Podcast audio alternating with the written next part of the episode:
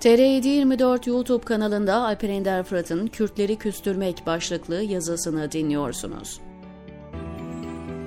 Yaşlı Kürt anne Ankara'nın göbeğinde çocuğu hatta torunu yaşında bir polis tarafından tartaklanıyor, incecik kolu ters çevrili bir halde itekleniyor.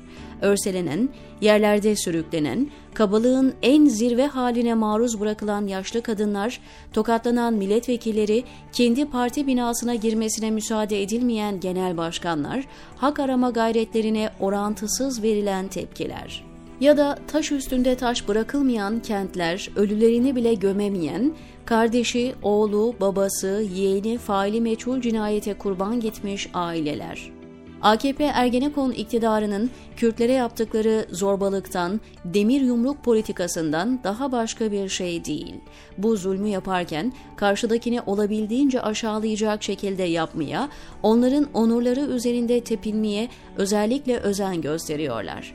Artık en makul, en aklı selim, en aklı başında Kürtlerin ağzından bile aynı çatı altında olmuyor, ayrılıp komşu olalım cümleleri dökülüyor.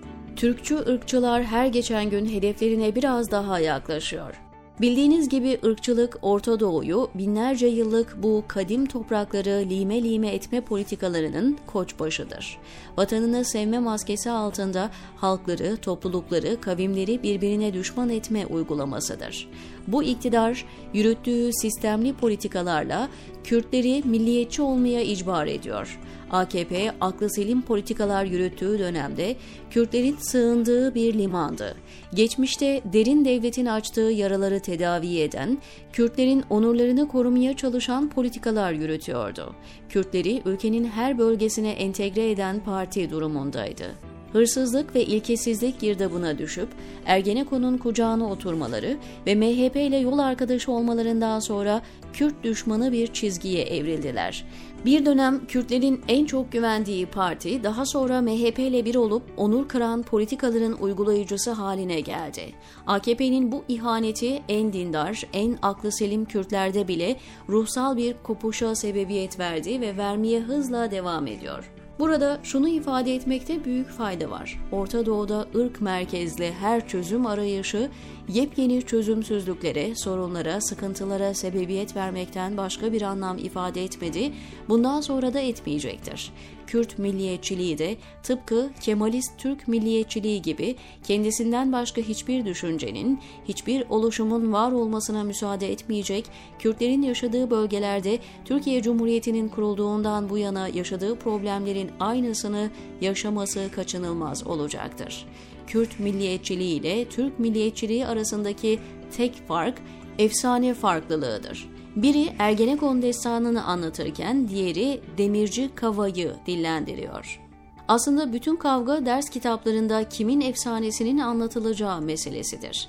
Devletin bir siyasi kimlik ya da hayat biçimi dayatmadığı ABD gibi ülkelerde kimse sorunlara ırk merkezli bir çözüm arayışı içine girmiyor.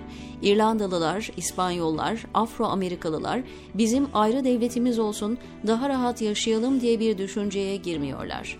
Devlet, adalet ve hukuk üzerinde yükseldikçe ırk merkezli çözüm arayışları da ortadan kayboluyor. Benim acizane kanaatim, Kürtlerin ırk üzerinden çözüm arayışları onların hayat konforunu artırmayacak. Şu anda yaşadıkları sorunların belki daha fazlasını yaşamaya devam edecekler. Burada sadece sopayı tutan el değişecektir. Bunun yerine devletin adalet ve hukuk üzerinde yükselmesi için mücadele etmek, devletin ırki dayatmalarından arındırılmasının yollarını aramak sorunların çözülmesinde çok daha etkili olacaktır.